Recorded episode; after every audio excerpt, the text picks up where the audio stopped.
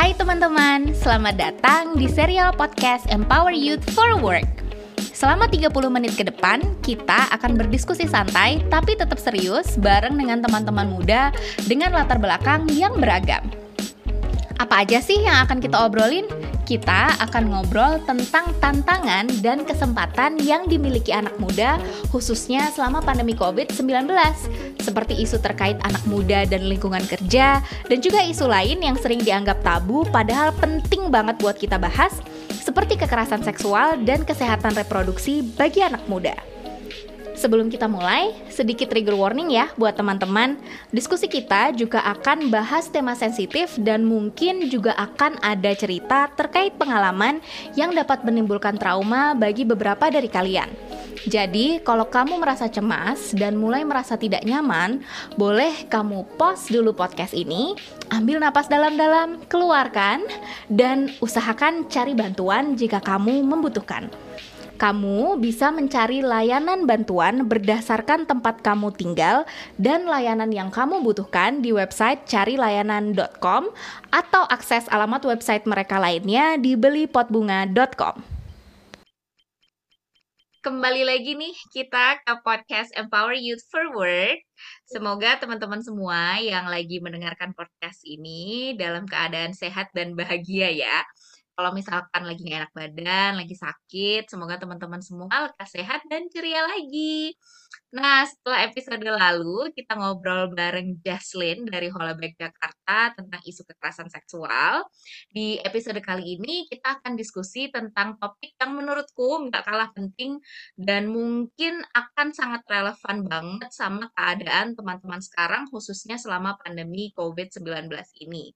Yaitu tentang gimana nih nasib kita, khususnya gue ya, aku ya sebagai seorang perempuan yang masih bekerja selama COVID-19. Kalau aku sih sebetulnya sejujurnya aku punya apa ya keistimewaan di mana aku masih bisa bekerja di dalam rumah dan alhamdulillah juga aku masih punya pekerjaan jadinya secara tidak langsung apa ya keadaan ekonomiku tuh masih uh, lumayan baik-baik aja gitu. Nah, tapi kembali lagi kalau kita ngomongin COVID-19 itu pasti kita juga akan banyak bicara tentang situasi kemiskinan di Indonesia yang kayaknya kok semakin ke sini kok kayaknya situasi kemiskinan itu semakin tinggi. Uh, dan banyak situasi yang lumayan bikin uh, apa ya teman-teman yang bekerja khususnya mereka yang bekerja di sektor yang harus turun ke lapangan, teman-teman yang ada di sektor apa namanya di pekerjaan-pekerjaan informal itu tuh yang harus keluar gitu dari rumah di saat situasi lagi pandemi. Jadi ada galau di mana kayak kalau mau kerja kena COVID, tapi kalau nggak kerja kita nggak bisa makan gitu. Nah, akhirnya juga karena situasi COVID ini aku melihat khususnya kayak di tahun lalu dan di tahun ini ya kayak yang orang bilang apa gelombang kedua COVID gitu banyak banget sebetulnya uh, orang-orang yang dipecat dari pekerjaannya. Nah, tapi teman-teman percaya nggak percaya harus percaya sih soalnya ada datanya sebetulnya. Percaya nggak percaya kalau sebetulnya di saat kita ngomongin tentang penurunan gaji, pemecatan, ada kelompok-kelompok tertentu itu yang ternyata lebih sering atau uh, lebih rentan kita bilangnya ya, lebih sering untuk menerima apa namanya ya perilaku seperti itu. Jadi lebih lebih sering lebih rentan untuk dipecat lebih rentan untuk diturunkan gajinya yaitu teman-teman perempuan. Kok bisa ya? Kenapa ya teman-teman perempuan itu malah jadi lebih rentan di saat kita ngomongin tentang pemecatan dan lain-lainnya? Nah untuk kita bicara dan ngobrol bareng tentang situasi uh, ekonomi uh, rumah tangga dan juga ekonomi kita gitu dan ekonomi pekerjaan. Karena kita ngomong pekerjaan ya aku tentunya nggak akan sendirian karena aku bukan ahlinya. Tapi di sini aku mau ngajak ngobrol ada teman aku namanya Yuri Etika Ayu dari perempuan pekerja yang sudah gabung sama kita untuk ngobrol bareng tentang isu perempuan dan juga pekerja itu sendiri. Hai Yuri, apa kabar? Halo Kak Vivi, halo semuanya, selamat malam. Oke, selamat malam atau mungkin selamat pagi. Siapa tahu yang dengerin ada oh, iya. lagi selamat malam, pagi lagi, atau sore mungkin. Iya, ya. lagi mau mandi gitu kan. Uh -uh. apa kabar Yuri? Uh, sehat, baik. Uh, Oke, okay, that's Kak good. Kenapa kenapa? Siapa kabar? Aku baik nih kebetulan akhirnya aku bisa pulang ke kampung halaman ketemu sama ibuku. Udah hampir tiga bulan kayaknya aku nggak ketemu sama beliau. Jadi tadi aku habis melepas rindu sama ibuku. Jadi lagi seneng nih aku. Ikut seneng juga. Oke, okay, thank you Yuri. Nah, Yuri, uh, tadi aku udah ngenalin diri kamu sedikit nih, Yuri. Itu dari uh, sebuah apa ya bilangnya organisasi atau komunitas nih perempuan pekerja sejauh ini komunitas sih karena kita belum berbadan hukum gitu ya. Oke, nah mungkin Yuri mau dong kenalan sedikit tentang Yuri dan juga mungkin boleh dikenalkan sama teman-teman yang lagi dengerin podcast ini perempuan pekerja okay. apa sih? Oke, terima kasih Kak Vivi atas waktunya. Halo semuanya, aku Yuri. Aku sekarang uh, aktif sebagai kreator di Perempuan Pekerja. Aku juga sekarang menjadi bagian dari jaringan orang muda untuk kerja layak dan inklusif yang diinisiasi oleh Konekin dan USAID. Aku juga uh, aktif di beberapa kolektif perempuan atau feminisme di Indonesia, yaitu salah satunya Resister Indonesia. Uh, aku sekarang bekerja di industri perbankan sebagai legal officer. Jadi uh, secara garis besar aku juga adalah buruh gitu. Oh. Walaupun banyak teman se apa ya teman kerjaku yang tidak mau disebut buruh gitu. Oh, oh menarik. Nanti kita bahas bareng-bareng ya. Kayaknya. Iya. Karena tuh aku nggak tahu ya ada apa dengan banyak sekali anak hmm. muda yang mau dibilang buruh gitu kan padahal secara apa ya secara pengertian kita ini semua buruh kan ya kalau kerjanya masih di bawah orang lain gitu kan. Betul. Kita akan ngomongin itu lagi.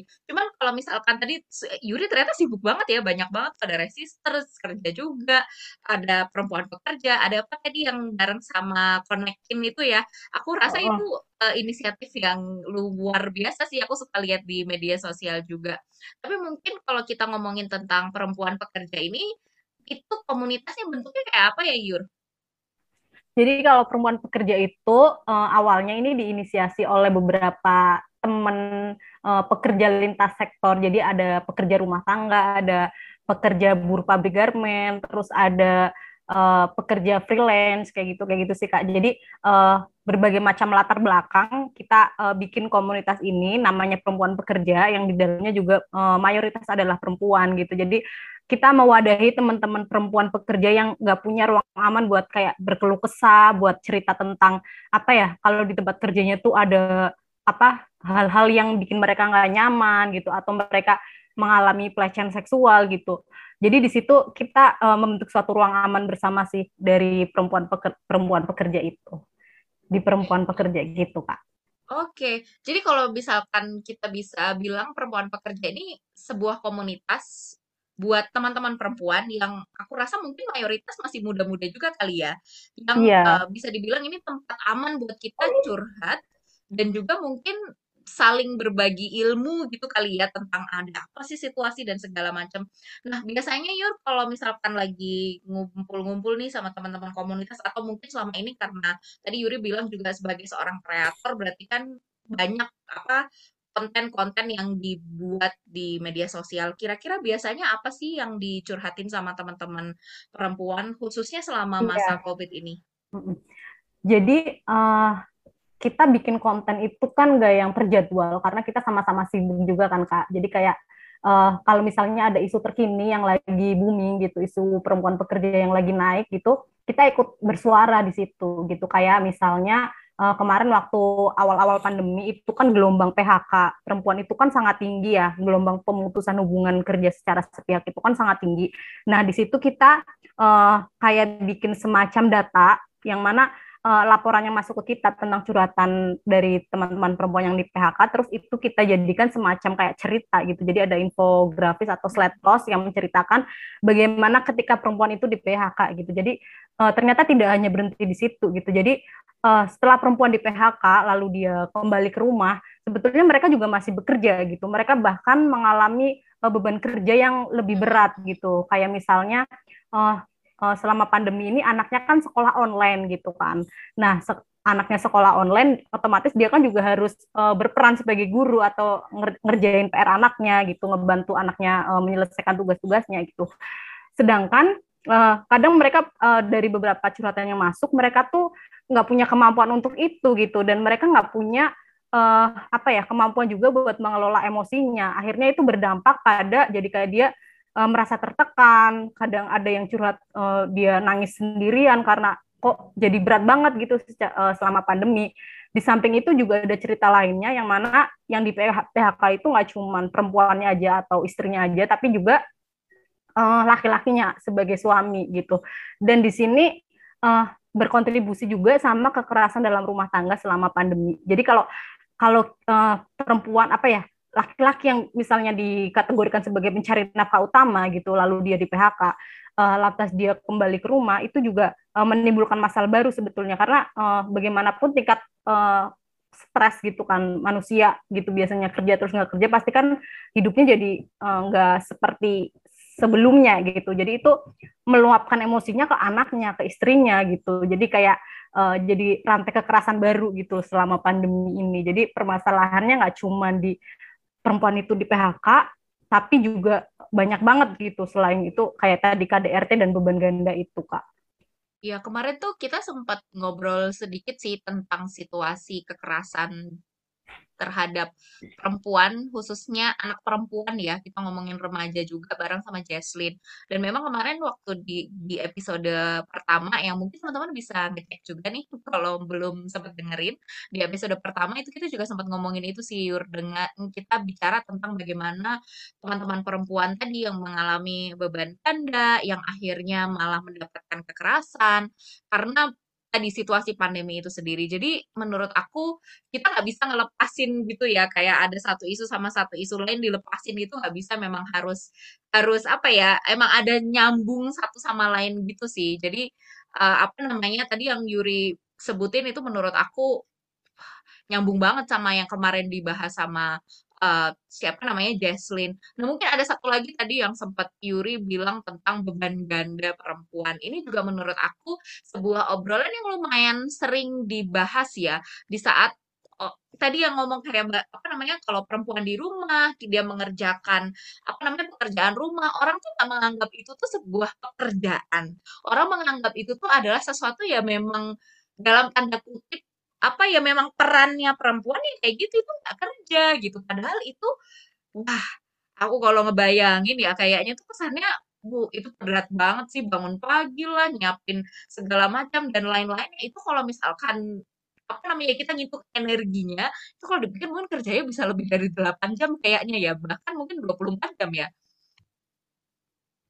Gimana Betul, menurut kamu Iya, jadi kayak uh, bahkan kemarin gitu aku kan aktif banget di TikTok. Jadi uh, ini cerita aja ya mungkin ya biar uh, teman-teman juga memantik gitu kan, memantik teman-teman yang mendengarkan. Jadi kemarin di TikTok itu aku uh, melihat salah satu konten dari uh, konten kreator yang itu uh, followersnya tuh ada banyak banget gitu kan. Di situ dia uh, melakukan kayak semacam sosial eksperimen. Jadi kayak bertanya ke ke publik gitu kan secara random gitu. Nah, salah satunya dia tanya ke perempuan yang lagi lewat di jalan gitu. Dia tanya, menurut Mbak apa sih pekerjaan yang nggak apa ya pekerjaan yang nggak penting dan nggak berat itu apa sih? Terus sama uh, perempuan ini dia menjawab uh, apa ya menurut saya sih uh, menjadi ibu rumah tangga itu kerjaan yang paling ringan. Dia bilang gitu. aku di situ bener-bener kayak sedih gitu loh kak kayak sesama perempuan gitu kan aku tidak menyalahkan si kakak ini gitu yang mengatakan seperti ini. Mungkin dia juga uh, belum merasakan menjadi seorang ibu rumah tangga mungkin ya. Makanya aku juga tidak lantas menghakimi gitu. Cuman di sini aku ingin uh, bercerita berdasarkan pengalamanku juga berangkat dari pengalamanku kepada teman-teman yang mendengarkan bahwa uh, seorang ibu rumah tangga yang mengerjakan pekerjaan domestik itu bebannya sangat berat gitu. Karena dia tidak terhit apa ya tidak di beri apa ya tidak ada batasan waktu yang pertama. Yang kedua adalah pekerjaannya itu job desk-nya hampir semuanya gitu. Dari dia bangun tidur sampai mau tidur, tidur lagi kayak Kak Vivi tadi bilang gitu. Ketika uh, bahkan ketika ia udah bekerja di sektor publik misalnya ini udah kerja kantoran gitu atau di pabrik ketika pulang ke rumah dia masih harus bekerja yeah. uh, mengerjakan pekerjaan domestik hmm. itu dan dan itu hal yang kayak gitu tuh nggak dirasakan sama eh, laki-laki uh, gitu kan Makanya di situ disebut beban ganda. Jadi perempuan punya beban yang lebih berat daripada laki-laki gitu sih. Jadi mungkin uh, di sini aku uh, pengen ngajak teman-teman untuk menghargai bahwa pekerjaan rumah tangga itu nggak ringan, itu berat banget, itu menguras emosi dan energi kita sebagai seorang perempuan gitu. Betul betul. Makanya teman-teman laki-laki yang mungkin mendengarkan ini juga ya, jadi ada pentingnya juga loh sebetulnya teman-teman laki-laki untuk bisa belajar hal-hal yang domestik karena menurut aku itu itu sih dari aku kak iya dan itu udah nggak udah nggak masuk ke peran laki-laki perempuan lagi tapi itu kayak apa ya kayak sebuah uh, kemampuan yang harus kita miliki untuk kita bisa bertahan hidup kenapa sih kelihatan sih kayak gitu sih jadi Betul. tadi uh, ngomongin tentang perempuan dan juga pekerja tadi ya, apa namanya, aku kemarin sempat juga ngelihat ada beberapa konten-konten yang lumayan viral nih terkait teman-teman perempuan yang bekerja di sektor informal. Kayak apa namanya, kemarin aku ngelihat ada salah satu influencer yang kena COVID, terus yang disalahkan adalah PRT-nya atau pekerja rumah tangganya di mana sepemahaman aku namanya PRT itu masuk ke dalam sektor informal. Nah, mungkin sebelum kita ngomongin lebih lanjut nih Yur tentang bagaimana teman-teman yang bekerja di sektor informal ini punya apa ya, ketidakuntungan atau kerentanan tersendiri di situasi COVID-19, mungkin Yuri bisa jelaskan dulu ke teman-teman kira-kira yeah. sektor informal itu kayak apa sih? Oke, terima kasih Kak Vivi. Jadi uh, secara definisinya gitu pekerjaan inform pekerja informal itu sebetulnya adalah mereka yang tidak terikat dengan perjanjian atau kontrak kerja se apa ya dalam bentuk perjanjian gitu. Dan uh, jadi karena mereka nggak ada perjanjian, jadi nggak jelas hak dan kewajibannya itu seperti apa. Makanya ini uh, apa ya uh, mudah banget menjadi celah uh, tindakan diskriminasi, kekerasan dan uh, ketidakadilan yang dialami oleh pekerja sektor informal ini. Uh, kalau contohnya pekerja informal ini kita bisa melihat yaitu salah satunya tadi udah Kak sebutkan pekerja rumah tangga, terus ada juga pekerja seks. Uh, mungkin apa ya teman-teman masih melihat apa ya mendengarkan bahwa pekerja seks ini adalah uh, belum dianggap sebagai pekerjaan gitu. Padahal sebetulnya uh, kita juga harus mengakui bahwa mereka bekerja untuk kehidupannya gitu. Lalu ada juga uh, pekerja kuli bangunan gitu kan. Jadi mereka adalah orang-orang yang rentan banget mengalami kekerasan gitu. Karena uh, tadi itu nggak nggak jelas pembagian hak dan kewajibannya karena nggak tercantum di dalam undang uh, perjanjian dan nggak ada undang-undang yang memayungi mereka sebagai pekerja gitu. Gitu sih, Kak. Oke, jadi tadi ya kalau misalkan kita ngomongin tentang pekerja informal, itu adalah mereka yang bekerja tanpa adanya tadi apa namanya perjanjian antara pemberi kerja dan mereka sebagai seorang yang bekerja gitu. Kalau di kebetulan aku kan tinggalnya di Jogja itu juga banyak tuh ibu-ibu buruh gendong iya, ya. uh, buruh gendong itu yang juga kalau biasanya kalau aku ke pasar gitu sering banget tuh. Jadi mereka yang bantuin uh, apa namanya orang-orang yang belanja buat ngangkat-ngangkat belanjaannya gitu. Nah itu juga kemarin waktu apa namanya sampai sekarang sih aku ngelihat teman-teman dan ibu-ibu buruh gendong ini juga mengalami dampak yang sangat-sangat parah kalau aku bilang ya di situasi pandemi COVID-19 ini. Nah, mungkin uh, apa namanya? Mungkin Yuri bisa ceritain lagi dong lebih lanjut ke kita sebetulnya uh, kenapa sih kok tadi ya sel, apa namanya kok kenapa kok mereka ini teman-teman khususnya selama pandemi Covid ini mereka bisa jadi lebih rentan ya Yur khususnya buat teman-teman perempuan uh, yang bekerja di sektor informal itu sendiri. Pak Vivi, Uh, mungkin aku mau menambahkan juga ya tadi uh, siapa yang menjadi pekerja informal itu kita bisa lihat gitu porter di stasiun gitu mereka yang menjajakan jasanya untuk membawa barang itu juga mereka salah satu uh, jenis pekerja informal. Karena sebetulnya mereka itu tidak terikat dengan PT KAI gitu jadi mereka tuh pekerja lepas. Jadi kalau nggak ada yang uh, meminta jasa mereka buat ngangkat tas sebetulnya mereka juga nggak punya pendapatan gitu sebetulnya. Jadi uh, semoga ini jadi perhatian PT KAI juga ya. Uh, untuk memenuhi hak mereka sebagai uh, seorang pekerja yang bekerja di dalam lingkungan stasiun gitu sih. Uh, tadi Kak Vivi bertanya kalau dalam masa pandemi ini pekerja informal juga terdampak gitu ya Kak. Uh, itu pasti sih dan sangat terdampak gitu karena yang pertama adalah mereka itu kan uh, pekerja informal ini biasanya bekerja pada sektor publik gitu kayak uh, mereka kerja di pasar atau misalnya porter yang di stasiun mereka bekerja di stasiun gitu kan. Jadi ketika pandemi ini berlangsung, orang-orang itu kan uh, harus di rumah gitu, disuruh di rumah gitu kan. Walaupun tanpa ada apa namanya nih jaminan atas kehidupan dan pangan gitu tapi mereka dipaksa di rumah gitu kan dan ini berdampak sama mereka jadi kayak sepi gitu kan pasar kayak Burgendong di, di Jogja sampai ada donasinya juga gitu kan kak jadi sepi akhirnya ya mereka nggak punya pendapatan gitu ekonomi mereka nggak berjalan dan itu berdampak sama keluarganya bisa jadi mereka adalah tulang tulang punggung keluarga gitu kan uh, jadi kayak mereka kehilangan penghasilannya gitu loh salah satu dampaknya itu uh, dari aku sih itu sih kak Oke, dampak. Uh -uh. Thank you banget Yuri. Dan emang bener ya kalau kita ngomongin apa namanya dampak COVID itu eh, kemarin si Jaslyn juga bicara tentang dampak COVID itu sebetulnya nggak hanya dalam segi kesehatan kita terdampak COVID, tapi banyak banget apa ya lapisan-lapisan lainnya, hal-hal lain yang secara nggak langsung itu sangat uh, berhubungan khususnya di saat kita bicara tentang apa yang dialami sama teman-teman perempuan dan juga teman-teman perempuan pekerja belum lagi teman-teman perempuan pekerja informal itu semakin kok kayaknya semakin rentan gitu. Dan emang jadi agak sulit ya kalau kita mau nyalahin mereka kok masih kerja dan segala macam. Apa nggak takut corona? Aku yakin mereka pasti takut. Tapi karena situasi yang seperti ini akhirnya ya mau nggak mau gitu kan. Nah Yuri tadi sebetulnya di awal kamu juga udah sempat ngomongin sih tentang apa namanya situasi secara umum teman-teman perempuan uh, apa namanya khususnya teman-teman perempuan muda ya yang mungkin sekarang banyak teman-teman yang di sini mendengarkan mungkin masih ya, kuliah. Kak, tentang apa?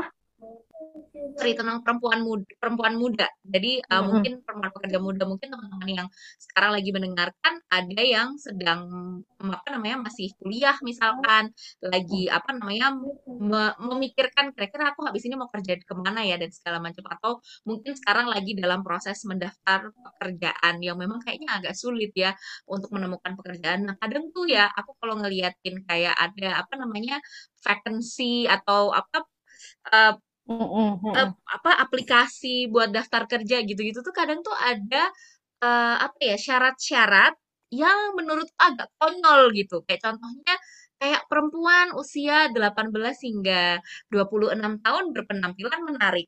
Ini aku cerita aja nih, dari dulu aku sempat mm -hmm. kerja di sebuah kayak perusahaan apa namanya ya properti gitu. Dan waktu itu salah satu bosku itu minta aku untuk mencarikan resepsionis. Terus dia bilang Vi resepsionisnya harus yang cantik kut kutilang da, kutilang ya gitu kan. Dia bilang apa namanya Hah, maksudnya gimana Pak? Iya, resepsionisnya harus cantik dong biar enak dilihat. Terus emang apa hubungannya Pak sama jadi resepsionis yang ngatur jadwal, nerima tamu sama penampilannya dia kayak gitu. Dan aku rasa banyak teman-teman yang sempat bertanya-tanya, kenapa sih kok masih ada ya apa namanya syarat-syarat yang menurut aku hmm, nggak hmm. berhubungan dengan apa yang akan mereka kerjakan nanti gitu. Kenapa menurut kamu Yur? Iya betul, Kak Vivi sebenarnya ini uh, masalah juga ya di mana kita uh, untuk masuk ke dalam dunia kerja ke pasar kerja gitu ketika kita punya kemampuan sesuai dengan bidang itu uh, kadang ada syarat-syarat yang itu kita belum maju aja udah terpinggirkan dulu gitu itu termasuk tindakan diskriminatif sebetulnya ya kayak syarat uh, yang pertama adalah misalnya dia harus uh, tadi harus menarik penampilannya atau misalnya nggak uh, boleh apa namanya nih pakai jilbab gitu kan. Ada juga persyaratan yang seperti itu kan. Atau misalnya uh, catatan di dalam SKCK-nya itu nggak boleh ada catatan kelam dia pernah uh, melakukan tindak pidana misalnya. Dan ini sebetulnya uh, kalau kita mau melihat ini sulit banget ketika perempuan yang misalnya contohnya aja gitu dia pernah terjebak dalam peredaran gelap narkotika sehingga di SKC oh, SKCK-nya dia punya catatan kelam gitu kan sehingga ketika dia sudah keluar dari uh, lapas atau lembaga permasyarakatan dan dia mau bekerja untuk keluarganya untuk anaknya itu kayak dia udah nggak punya harapan lagi karena udah ada catatan itu. Ini kayak uh, membentuk stigmatisasi juga di dalam masyarakat kita bahwa orang yang pernah melakukan kejahatan itu nggak pantas untuk diterima di masyarakat lagi karena adanya SKCK ini. Jadi itu uh, berdampak sama bagaimana penghidupan yang layak juga buat mereka. Makanya aku di Jarum Kayu ini kan juga uh, mem, apa ya mendorong pemerintah gitu kan khususnya pemangku kebijakan yang mereka uh, is, apa concern di isu ketenagakerjaan kayak uh, Kementerian Ketenagakerjaan, kita meminta untuk menghapus segala persyaratan yang diskriminatif kepada para pencari pekerja gitu, para pencari kerja. Jadi ah, kita harus memberikan kesempatan yang sama gitu. Dan apa namanya nih, uh, itu pun nggak hanya berhenti di situ gitu. Jadi ketika kita merekrut seseorang dari kelompok rentan, jadi kita harus memperhatikan juga inklusivitas di dalam tempat kerja ini. Jadi kayak nggak boleh tempat kerja ini berisiko yang mengucil apa ya mengucilkan si orang ini karena dianggap dia misalnya adalah seorang yang tuli sehingga nggak ada akses uh, apa namanya nih JBI gitu kan. Jadi kita nggak bisa nggak bisa uh, apa ya cuman ya kamu bisa bekerja di sini kamu uh, seorang misalnya dari teman-teman non binary gitu dan uh, perusahaan tahu tapi ketika dia bekerja dia justru dikucilkan. Sebetulnya itu juga uh, belum belum inklusif gitu tempat kerjanya. Walaupun di syaratnya mungkin udah nggak ada syarat diskriminatif. Jadi nggak hanya berhenti di uh, menghilangkan syarat diskriminatif tapi bagaimana kita juga menciptakan ruang kerja yang aman dan uh, nyaman bagi semua orang, khususnya untuk kelompok rentan gitu, Kak Vivi. Ya, aku setuju banget dengan semua yang tadi Yuri sampaikan dan itu memang sih ya di saat kita ngomongin tentang tadi ya penampilan lah, apa namanya mm -hmm. uh, disabilitas kita dan juga mungkin isu isu-isu lainnya ya apa namanya identitas-identitas lainnya itu tuh kadang menjadi karena tadi ya masih banyak sekali masyarakat yang sangat diskriminatif gitu dan mungkin akan rasis lah apa atau mungkin ya tadi melihat seseorang karena disabilitas ya dan lain-lain yang akhirnya membuat teman-teman yang punya identitas-identitas tertentu itu jadi lebih sulit untuk mendapatkan pekerjaan. Nah, tadi sempat sedikit Yuri sebetulnya ngomongin tentang peraturan perusahaan. Pertanyaan terakhir sebelum kita menutup apa namanya diskusi kita hari ini. Sebetulnya kemarin waktu kita ngobrol juga di episode pertama sama Jesslyn, kita sempat ngomongin tentang kekerasan uh, apa namanya seksual yang terjadi di ruang publik. Nah, salah satu di salah satu tempat di saat kita bicara tentang di ruang publik adalah sebetulnya di lingkungan kerja. Nah, aku udah nggak mau lagi mempertanyakan kayak apa yang kita harus lakukan kalau misalkan kita mengalami kekerasan dan segala macam? Karena menurut aku tadi ya apa namanya uh, apa pun yang kita lakukan saat kita menjadi korban kekerasan itu adalah sesuatu yang valid gitu kan. Itu adalah sesuatu ya ya udah emang kamu udah jadi korban ngapain aku harus ngatur-ngatur mereka lagi? Tapi sebetulnya pertanyaan aku lebih kepada bagaimana seharusnya yang perusahaan lakukan atau pemberi kerja lakukan untuk bisa menjamin tadi adanya tempat aman atau ruang aman bagi perempuan dan mungkin apa bagi semua ya secara nggak langsung untuk mereka bisa aman dari kekerasan seksual. Iya Kak Vivi, uh, aku setuju sih sama Kak Vivi. Jadi dalam upaya pencegahan kekerasan seksual itu kita nggak bisa menekankan kepada korban untuk dia yang uh, jaga diri atau dia yang mencegah gitu kan untuk tidak terjadinya kekerasan seksual. Tapi adalah upaya uh, lingkungan khususnya yaitu di mana misalnya dalam sektor pekerjaan ya tentunya perusahaan atau tempat kerja di mana orang itu bekerja maka dia harus dijamin segala rasa amannya di dalamnya gitu kan. Uh, untuk kekerasan seksual ini uh, aku mungkin sedikit ngasih data ya. Jadi uh, berdasarkan temuannya Never Okay Project itu dalam waktu 2018 sampai 2020 terjadi kekerasan seksual di dunia kerja dengan pelaku itu paling banyak atasan dan rekan kerja senior sebanyak 62,39 persen. Dari sini aja kita tahu bahwa uh, posisi kita di tempat kerja ketika ada relasi kuasa antara bos dan karyawan itu rentan banget terjadi kekerasan apalagi kekerasan seksual gitu. Dan di sini uh, penting banget peran perusahaan punya semacam uh, aturan yang mana uh, mencegah terjadinya kekerasan seksual mulai dari kayak uh, mungkin SOP ketika ada uh, karyawannya yang menjadi pelaku gitu loh. Jadi di situ udah mulai terbentuk kan ruang kerjanya ketika ada su, apa ya tindakan preventif yang dilakukan sama perusahaan yaitu lewat aturan yang melindungi korban uh, apa namanya nih memberikan sanksi kepada pelaku gitu. Itu kan otomatis orang-orang yang tahu aturan itu juga akan uh, mikir-mikir ketika akan melakukan aksinya. Walaupun pasti uh, ketika kita melihat relasi kuasa gitu tentu masih ada aja yang berperil apa ya melakukan aksi kekerasan seksual. Tapi setidaknya udah ada upaya duluan gitu loh dari perusahaan lewat uh, itu peraturan perusahaan tentang kekerasan seksual gitu kak. Dan juga apa namanya nih kalau misalnya tempat kerja itu ingin memberikan rasa aman kepada kita kelompok rentan gitu mau dia perempuan mau dia non binary mau dia apa namanya teman-teman disabilitas gitu itu harus tahu banget uh, apa aja hak yang harusnya diberikan. Kayak misalnya pekerja perempuan gitu. Perusahaan harus tahu bahwa pekerja perempuan itu punya hak yang itu adalah namanya hak maternitas atau uh, hak untuk apa namanya nih ketika dia perempuan itu hamil maka harus diberikan cuti hamilnya secara penuh karena banyak perusahaan yang yang mem, tidak memberikan cuti hamil itu secara penuh gitu loh harusnya dia dapat tiga bulan cuma dikasih satu bulan gitu atau cuti haid yang jelas-jelas udah diatur di dalam undang-undang ketenaga kerjaan gitu kan itu pun banyak banget perusahaan yang nggak ngasih hak itu gitu di dalam perjanjian kerja begitu juga nggak dicantumkan di dalam uh, peraturan perusahaan. Atau misalnya uh, banyak juga pekerja perempuan yang mereka tuh bahkan nggak tahu nih haknya apa gitu. Jadi buat teman-teman yang mendengarkan ini khususnya pekerja perempuan kalian harus tahu banget bahwa kita punya namanya hak uh, yang berkaitan sama reproduksi kita yaitu hak uh, maternitas yang tadi hak hamil uh, dan melahirkan, yang kedua adalah cuti haid. Itu wajib banget diberikan perusahaan tanpa kita meminta. Jadi untuk teman-teman pekerja muda yang baru aja terjun ke dunia kerja gitu, jangan lupa untuk membaca kontrak kerja ketika kita keterima kerja di tempat kerja yang uh, kita tuju gitu. Karena itu penting banget untuk kita mengenali hak-hak kita gitu kan. Jangan sampai kita tanda tangan uh, kontrak itu langsung tanda tangan aja gitu nggak dibaca dulu isinya. Karena dari situ banyak uh, teman-teman pekerja yang kehilangan haknya gitu. Karena mereka nggak mau nggak mau tahu gitu loh hak antara hak dan kewajibannya itu apa. Padahal yang namanya hak itu kan harus diberikan gitu kan ya. Sebetulnya tanpa kita minta pun harus udah dicantumkan di dalam peraturan perusahaan karena itu adalah amanat undang-undang.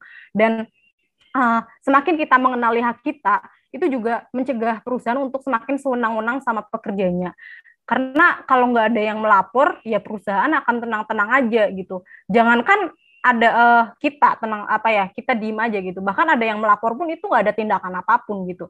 Setidaknya ya kita harus mengenali hak kita. Kayak tadi uh, sebagai pekerja perempuan jangan lupa kita harus melihat apakah hak uh, yang paling berkaitan sama ketubuhan kita kayak hak maternitas dan cuti head itu benar-benar udah ada di dalam peraturan perusahaan gitu sih.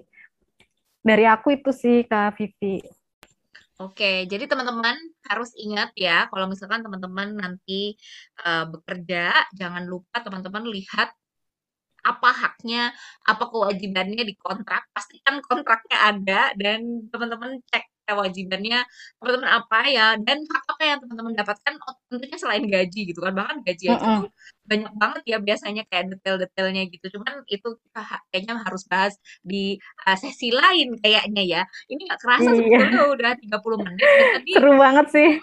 Dan tadi Yuri sempat ngomongin sedikit tuh tentang hak ketubuhan.